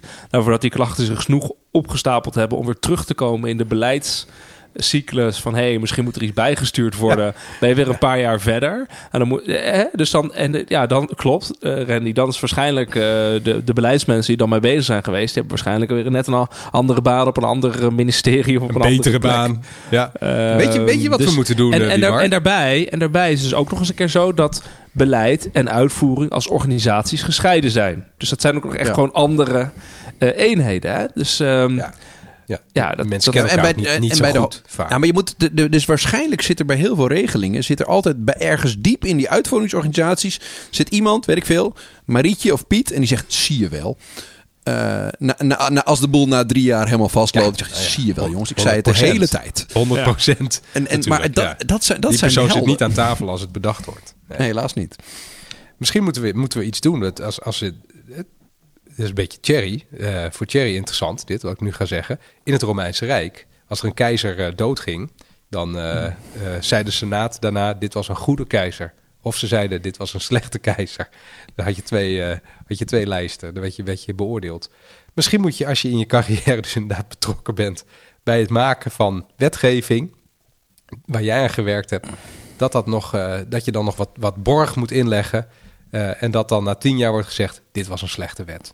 Jij wordt, ja, nu, nou, schaal, jij wordt nu een schaal teruggezet. Randy, we moeten wel een beetje oppassen. Want ik vind, uh, je moet ambtenaren niet um, uh, persoonlijk nee, gaan afrekenen op het beleid waar ze aan, aan ja. meewerken. Um, ik, ik ben erg fan van het principe dat je als ambtenaar in principe drie keer kunt zeggen tegen een bewindspersoon: nee, dit is geen goed idee. Nee, en als hij na de derde keer nog zegt: ja, in principe die bewindspersoon is de baas, dus dan moet jij maar als ambtenaar wat anders gaan doen. Ja, dat is um, en, en daarom is, heb je ook een ministeriële verantwoordelijkheid in Nederland. En dat is een prima idee, want je kunt niet een ministerie van 2000 mensen de laan uitsturen als er niks van nee, Want dan loopt wat de boel ik, wat ik net zeg, ik was een beetje grapje aan het maken, maar wat ik, net, wat ik net zeg, dat geldt net zo goed voor ministers. Dus ik zie op tv bij de talkshows, een typisch Nederlands fenomeen, schijnbaar. Bij de talkshows zie ik allemaal uh, bewindspersonen zitten die de ene naar de andere mislukking aan elkaar geregen hebben. Uh, en die nog één keer komen uitleggen hoe het, hoe het wel moet. Ja, ja maar je, je bij noemen, de, maar de kern is, je, je komt heel weinig, uh, je hebt weinig, je, je, hebt nog nooit iemand bij op één zien, uh, zien zitten die zegt, weet je wat, ik ga een heleboel niet meer doen en ik ga uh, een paar regelingen afschaffen en ik ga de boel veel simpeler maken. Dat ga ik doen. Nou ja, ik, ik, heb die, ik, ik heb die bewindspersoon nog nooit gezien. Ronald Plasterk. Die, toen had je die commissie, of tenminste, dat, wie weet dat nog, maar toen had je de commissie Dijsselbloem over het onderwijs. Oh ja, uh, en daar werd, uh, daar, daar, werd geconcludeerd, dat werd heel goed ontvangen. De conclusie was, we hebben dat onderwijs eigenlijk een beetje kapot hervormd. We moeten nu even een poosje niks doen. En toen kwam Ronald Plasterk. Die zei, ik ga uh, kappen met hervormen. nou, dat is een van zijn kerncompetenties. en die heeft toen gewoon vier jaar lang niks gedaan. En ik, het staat me nog heel erg duidelijk voor de geest dat mensen dat geweldig vonden in het onderwijs. Mensen zeiden, hè, hè, eindelijk kunnen we even vier jaar uitademen...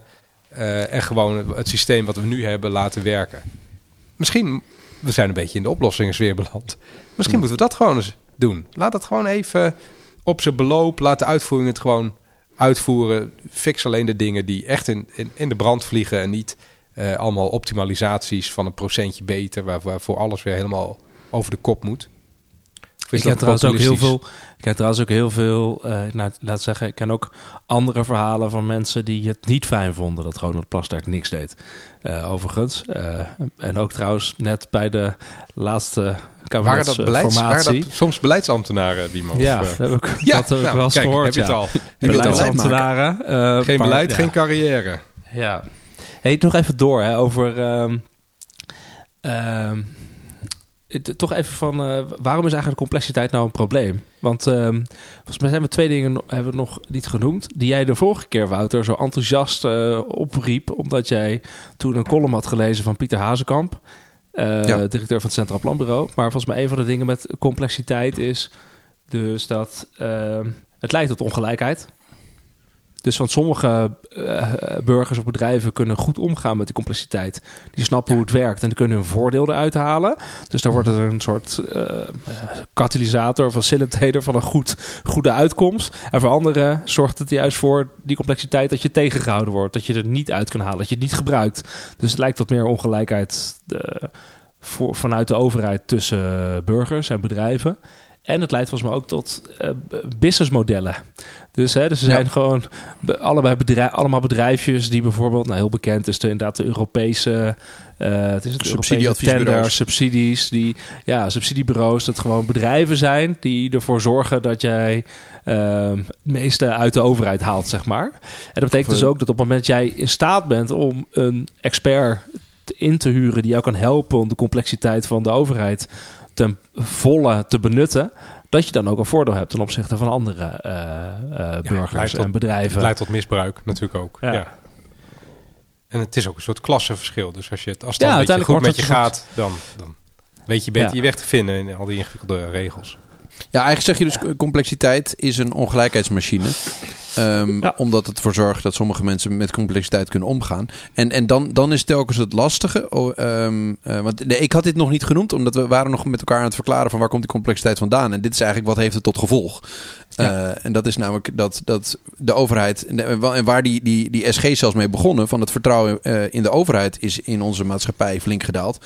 Ja, dat, dat heeft in mijn ogen deels komt dat voort uit die complexiteit, omdat uh, mensen die die overheid niet meer begrijpen, die overheid niet meer als hun overheid zullen gaan zien.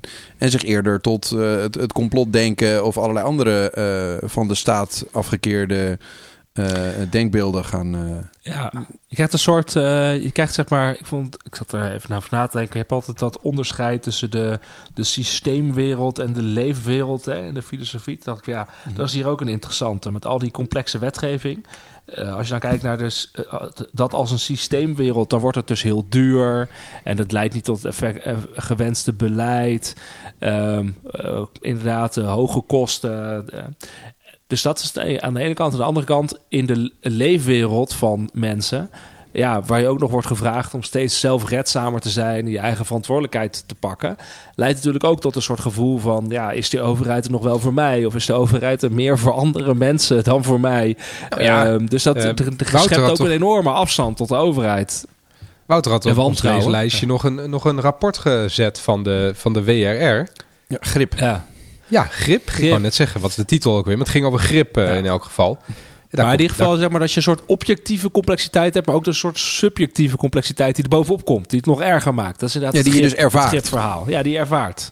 Nou ja, ik zou toch zeggen, als je het ervaart, dan is het zo uh, in dit geval. Want uh, Nee, ik denk dat het. Nee, dat, ja, oké, maar ik denk wel dat. Nee, dat dus, klopt niet helemaal. Objectief. Nee, want objectief als systeem kan het veel complexer worden. En subjectief kan je het heel anders ervaren. Sommige mensen zullen het als minder complex ervaren. Oh, zo. Ja, snappen nee, ja, okay, kunnen het begrijpen. En anderen zullen het als heel complex ervaren. Snap ik helemaal niet wat ze ermee aan moeten. Wat ik, wat ik net eh. bedoelde is dat als, als, als, als er een burger, of niet, ik wil niet heel individueel maken, maar als er mensen zijn die denken van, wat is dit? Ik snap daar niets meer van, dan mhm. is dat een probleem. Ook al heb je ergens anders mensen die kunnen uitleggen dat het eigenlijk allemaal heel goed in elkaar zit.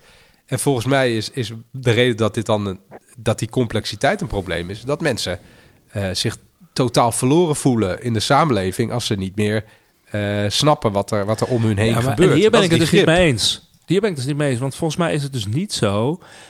Uh, jij zegt als Ehm, burgers niet meer, de regelgeving niet meer begrijpen, dan is er een probleem. Maar ik denk van ja, er is altijd regelgeving geweest die burgers niet begrijpen. Dus volgens mij is dat niet het probleem. Volgens mij is het probleem op het moment dat de overheid zelf niet meer de regelgeving kan uitleggen. Uh, of het niet meer kan uitvoeren. Hè. Volgens mij begint er dan echt een probleem te ontstaan.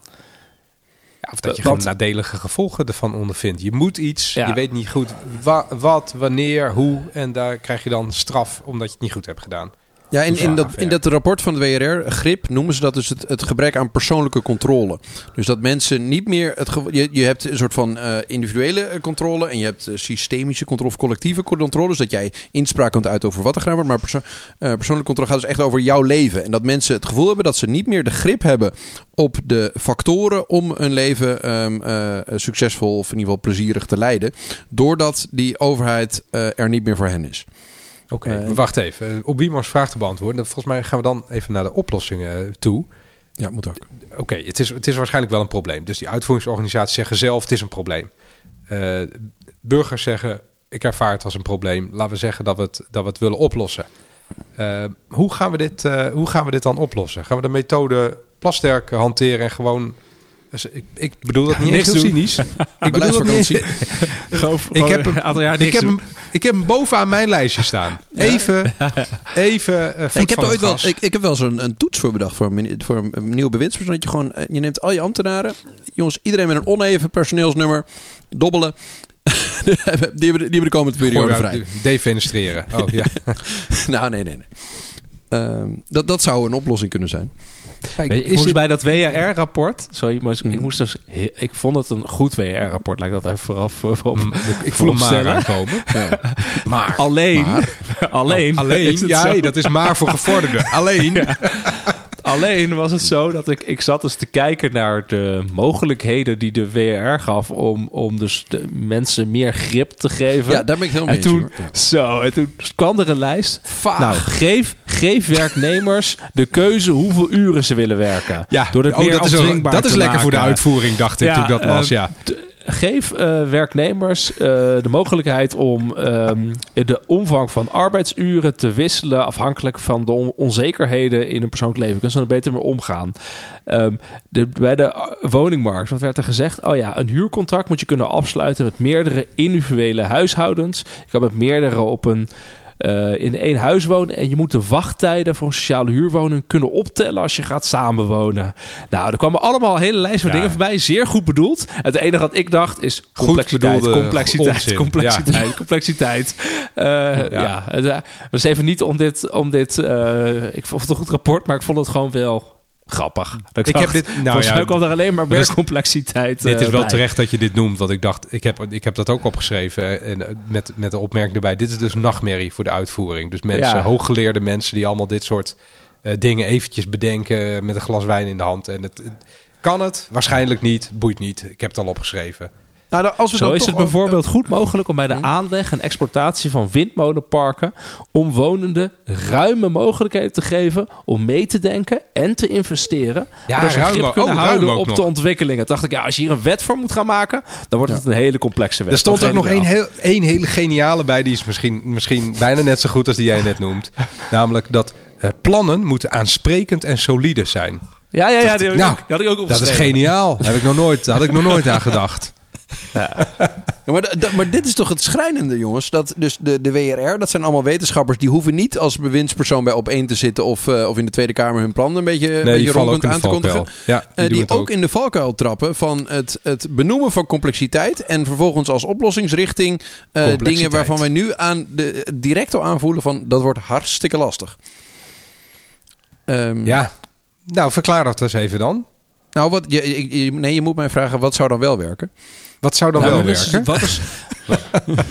Wouter? Wat, wat is volgens mij een heel belangrijk onderscheid is... is dus aan de ene kant is het onderscheid snap je regelgeving, dan moet het simpel zijn. Dus snap je het. Maar aan de andere kant, op het moment dat je controle wil hebben op je leven, of je wat grip hebben op je leven, dan wil je niet simpele regelgeving. Dan wil je, of regelgeving die je begrijpt, dat wil je wel in ieder geval regelgeving die je meer mogelijkheden geeft. Want daarmee krijg je grip. Dus en dat kan niet samen. Je kan niet en simpele wetgeving hebben die iedereen snapt. En daarnaast wetgeving waarmee je grip kan hebben en eigenlijk heel veel tegemoet kan komen aan allerlei omstandigheden waar jij mee te maken hebt. Dat is juist de... in de kern complexiteit. Dan krijg je de zekerheid van een middeleeuwse boer. De overheid doet niks voor jou en als je ziek wordt, ga je dood. Ja. hey, maar eh, Wouter, ik moest nou, een vraag aan jou stellen. Hoe gaan we dat dan oplossen? Nou, ik, ik denk dat e- één ding dat. Eh, dus, dus, volgens mij zijn er bibliotheken volgeschreven um, over eh, hoe je, hoe, wat een goede richting zou zijn. Maar wat mij altijd heel erg heeft aangesproken is dat wij. We hebben nog een soort van uh, uh, traditioneel sturingsparadigma. Ik ga dit woord nu even proberen simpeler samen te vatten. Ik voel dat we nu heel concreet ja, uh, advies nee, Wij besturen de boel in Nederland nog vrij hiërarchisch. Je hebt ministeries, daar zit iemand aan de, die is de baas en dan vervolgens druppelt het naar beneden. En dat is allemaal helemaal in silo's georganiseerd. Van uh, die club die doet uh, onderwijs en die hebben dan dit agentschap. En, dus dat, dat is heel strak georganiseerd. Maar wat je daar heel vaak hebt, is dat vanaf het moment dat die bewindspersonen daar inkomen, um, dat ze niet zelf ervaren wat de consequenties van hun beleid zijn. Ik ben een heel groot voorstander uh, van bestuurders die zelf um, uh, uh, proberen te doorleven wat de effecten van hun beleid zijn. Uh, dus bestuurders die um, uh, zelf, uh, weet ik veel, ga maar zelf een toeslag proberen aan te vragen. Ga dat, ga dat maar eens meemaken. Via, ga maar eens, oké, stel je hebt het scenario, een familielid naast jou overlijdt. Um, ga dat maar eens meemaken als jij het beleid maakt van hoe, hoe de, wat de regelingen daar. Ja, of, of een, een kind dat 18 wordt. Um, het echt, als je 18 wordt, komt er zoveel op je af wat je opeens moet regelen. En als je dan niet het allerscherpste potloodje bent, dan ben je gewoon een zak. Um, dus, dus en een van de punten die, die ik altijd zou willen meegeven is dat mensen ga het zelf ervaren. Ik heb nog steeds het, het, het voorbeeld van een van mijn uh, helden, Arre Zuurmond, de, de regeringscommissaris informatiehuishouding. Die, die toen, toen hij ombudsman van Amsterdam werd, dat hij toen zelf een week op de Wallen ging wonen. Om mee te maken wat daar nou precies gebeurde. En ja, dit is dan een heel specifiek voorbeeld. Maar ik heb echt bestuurders gehad. ik heb werkte dan in die digitale overheid. Die hadden zelf nog nooit een DigiD-account. Want dat deed hun accountant voor ze. Um, accountant? En, ja. ja, ik las had gewoon het nieuws dat, en, dat hoogopgeleide witte Nederlanders het meest in hun eigen bubbel leven. Hè? Misschien heeft dat ook wel iets te maken met wat je, wat je nu allemaal vertelt. Ja, dat, nou ja dus dat je dus wel bestuurder bent, maar dat je dus je leven vult met het praten met andere bestuurders over mensen. Uh, waarbij je die, die menselijkheid van wat de, de effecten zijn van de regels waar jij toch wel echt over beslist, uh, dat je die helemaal uh, uh, kwijt kan raken. En nou ja, om ja. Uh, zelf de, soms, dus moet je jezelf in mijn ogen confronteren met de effecten van je beleid. Je en moet ook jezelf soms... blootstellen aan de gevolgen van je eigen beleid. Ja, precies. Ja, een van de dingen die ik las en waar ik, wel, waar ik wel van schrok. Kijk, ik, ik vind het sowieso, denk ik. Ik denk dat zeg maar de, de, beleidsambtenaar gemiddeld gezien op even, het is meest chargerend, maar de gemiddelde beleidsambtenaar is natuurlijk niet degene die even moet kijken hoe het beleid bij hem of haar uitpakt. Want over het algemeen zal dat nog wel iemand zijn die een behoorlijk hoog doenvermogen of denkvermogen heeft. Volgens mij ben je niet de representatief voor, voor, de, voor, de, voor de burger die er volgens mee te maken krijgt. Maar ik, ik las in, ik schrok er wel van, in de staat van de uitvoering 2023. Eh, las ik dat wij dus als Nederland internationaal gezien wij onze burgers minder betrekken bij nieuwe, uh, was volgens mij digitale dienstverlening, maar minder bij dienstverlening. Dacht ik, ik, ik, ik, dat wist ik niet, maar ik vind het eigenlijk wel schokkend. Laat ik misschien ook wel, ja, blijkbaar doen we dat dan minder als Nederland. Dat, daar zou toch wel een, een les in, in zitten, volgens mij. En ik af en toe denk je ook wel eens, ja, Nederland is toch misschien nog wel een beetje regentesk in die zin, hè? Van wij bedenken wat goed voor u is. En, paternalistisch. een beetje, paternalistisch. Beetje, beetje 19e eeuws uh, af en toe, ja, absoluut. Dat bedoelde ik trouwens met het sturingsparadigma. Oké, dat we regentesk zijn. ja, ja, precies. Dat we oude structuren hebben van waarbij alles heel ergversiloed georganiseerd is. En waarbij men probeert in die silo uh, het heel goed te organiseren. Uh, als een soort bedrijfsmatige overheid. Um, terwijl, kijk, die maatschappij, daar kun je niet van gaan vragen dat die minder complex wordt. Uh, dus zul je als overheid jezelf uh, moeten aanpassen aan, aan, aan die maatschappij. En jezelf responsiever, dus flexibeler uh, weten te organiseren. Uh, en dan kun je, vind ik ook, dan heb je, dan vind ik ook dat je wel wat terug mag zeggen tegen die uitvoerders, die, die, die 80 publieke organisaties die dan zeggen van, nou, het, is, het moet nu stoppen en, uh, en, en het is te, we hebben vereenvoudiging nodig. Um, ik, ik denk dat, dat, dat je dan als bestuurder met die partij ook in gesprek moet van, oké, hoe gaan we dan um, de sturing op jullie organisaties organiseren? En hoe gaan we de, de taken die jullie doen, hoe gaan we zorgen dat we daar meer begrip in brengen van, van wat het ja. daadwerkelijk voor mensen betekent? Ik heb hun brief uh, gelezen. Uh, dus je, je, had dat artikel in het NRC, maar er was dus inderdaad ja. ook een brief. Um, nou ja, heb jij dat gelezen, Wouter? Vond je dat nou een ja. goede brief? Vond jij dat daar nou helder in stond? Ik dus niet. Nou, nee, ik vond vooral dat de oplossingsrichtingen niet helder waren. Dus nee. het, dat, de, de, dat er heel veel complexiteit is, weten ze heel goed te beschrijven bij, bij, bij het CBR, het UWV, de SVB en ja, de Belastingdienst en Duo. Hoe gaan we het oplossen? Um, precies. zit straks in de treffenzaal. Wat moet hij doen? Dag 1. Eerste, dat, eerste minuut. Wat gaan we doen? Ja, en dan komt wat waar ik het altijd niet mee eens ben, is dat Pechtold kwam met dat punt van het scheiden van het, het wat en de hoe-vraag. Dus dat Den Haag, de bewindspersonen gaan over wat ze willen doen. En vervolgens moeten ze aankloppen bij de uitvoering over hoe we dat dan precies kunnen doen. Um, maar ik denk dat die twee kun je niet helemaal los van elkaar zien.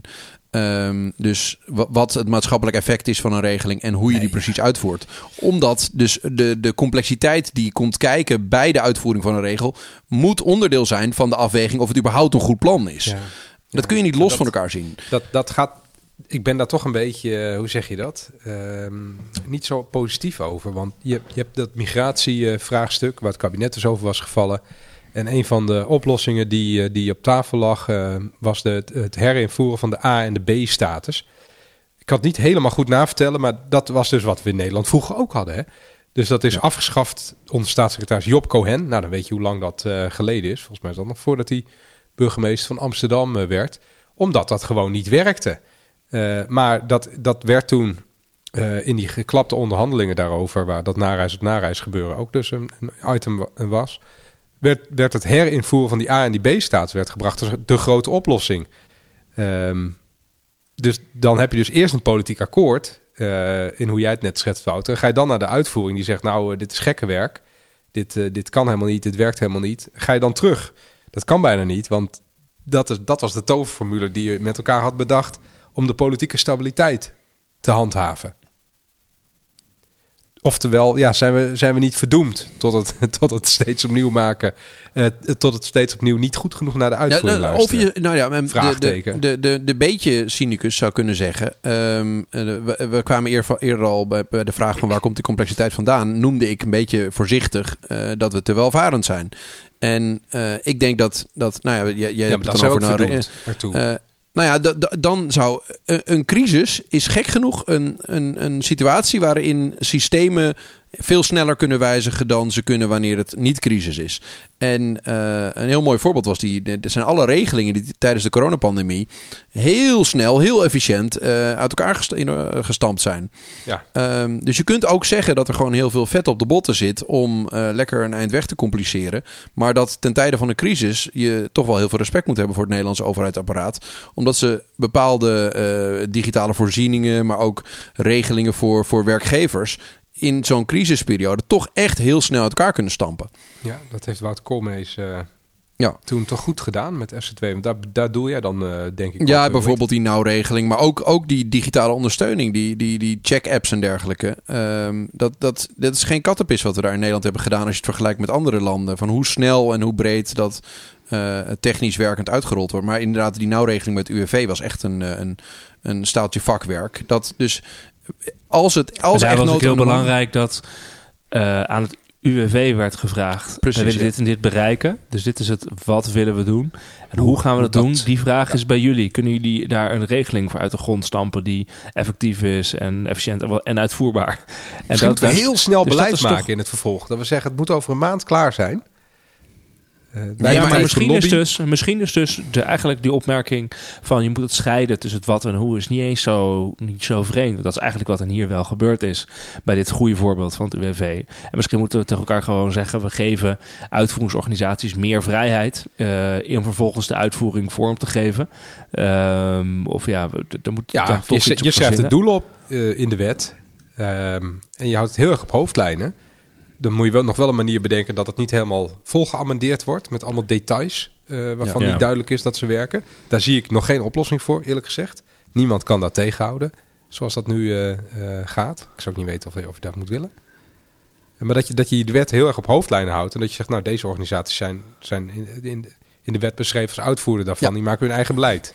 Ja, hier, hier ben ik dit een, een soort van wendbaarder wetgeven, waarbij je uh, lagere regelgeving gebruikt om dingen heel specifiek uh, uh, te maken. Of gewoon uitvoeringsvrijheid bieden om dingen te organiseren. En niet in, in, in de Tweede Kamer te gaan bedenken of met amendementen of zelfs op het niveau van een, van een, van een wet. Want het kost zo drie jaar om die weer aan te passen. en zo hou je jezelf wel bezig.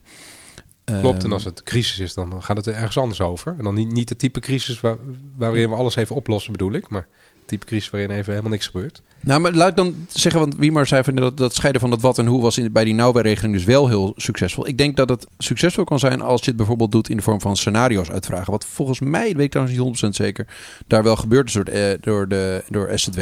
Waarbij ze dus uitvragen en uitvoeren van jongens, dit is het doel dat we voor ogen hebben. Kunnen jullie een paar opties geven om dat uh, tot uitvoering te brengen? Even, even, voor de, voor de niet ingevoerde luisteraar Wouter, maar dit zijn die regelingen om ondernemers overeind te houden. Ja, om werkgevers inderdaad uh, uh, salarissen te kunnen laten doorbetalen. En dat nou, heeft het UWV. Ja, ja, precies. Ja. Dat komt mij uh, bekend voor. Hey, hebben we nog oplossingen die we nu nog moeten noemen? Anders uh, moeten we misschien een beetje gaan afronden. Nou, toch nog eenmaal het punt.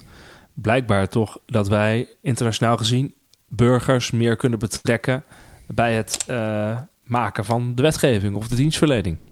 Dat, dat, toch blijkbaar een, dat daar toch blijkbaar wat te winnen valt. Um, en wat opvallend is, wat Wouter net zei, is van ja, nu heb je vaak bij wetgeving dat er een soort evaluatiemoment is na vijf jaar. Hè?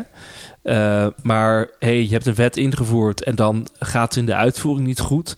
Wat heb je dan nu eigenlijk geregeld dat die signalen zo snel mogelijk naar boven komen dat die wet aangepast wordt? Hè? Dat vraag ik me af en toe wel eens af.